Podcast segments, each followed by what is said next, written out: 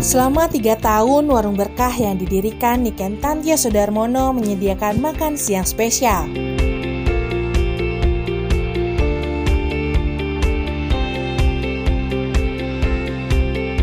Kenapa disebut spesial? Karena makan siang lengkap dengan minuman yang biasa dijual seharga Rp25.000 di tempat lain, di sini dijual seharga Rp1.000.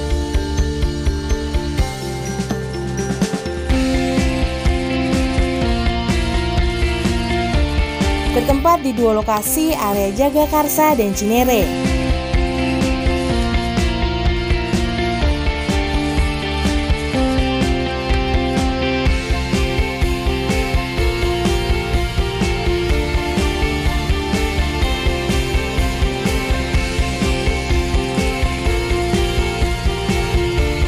Walaupun di masa pandemi seperti saat ini, Warung Berkah tetap menyediakan 100 porsi di masing-masing lokasi.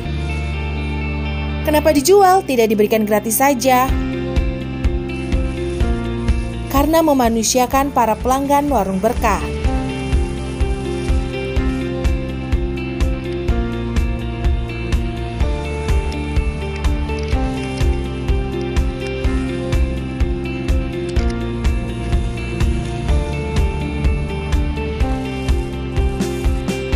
Bayangkan seorang bapak membawa pulang paket makan siang ini dan bercerita kepada anak-anaknya, "Ini bapak dapat gratis dibandingkan dengan ini bapak beli makan siang."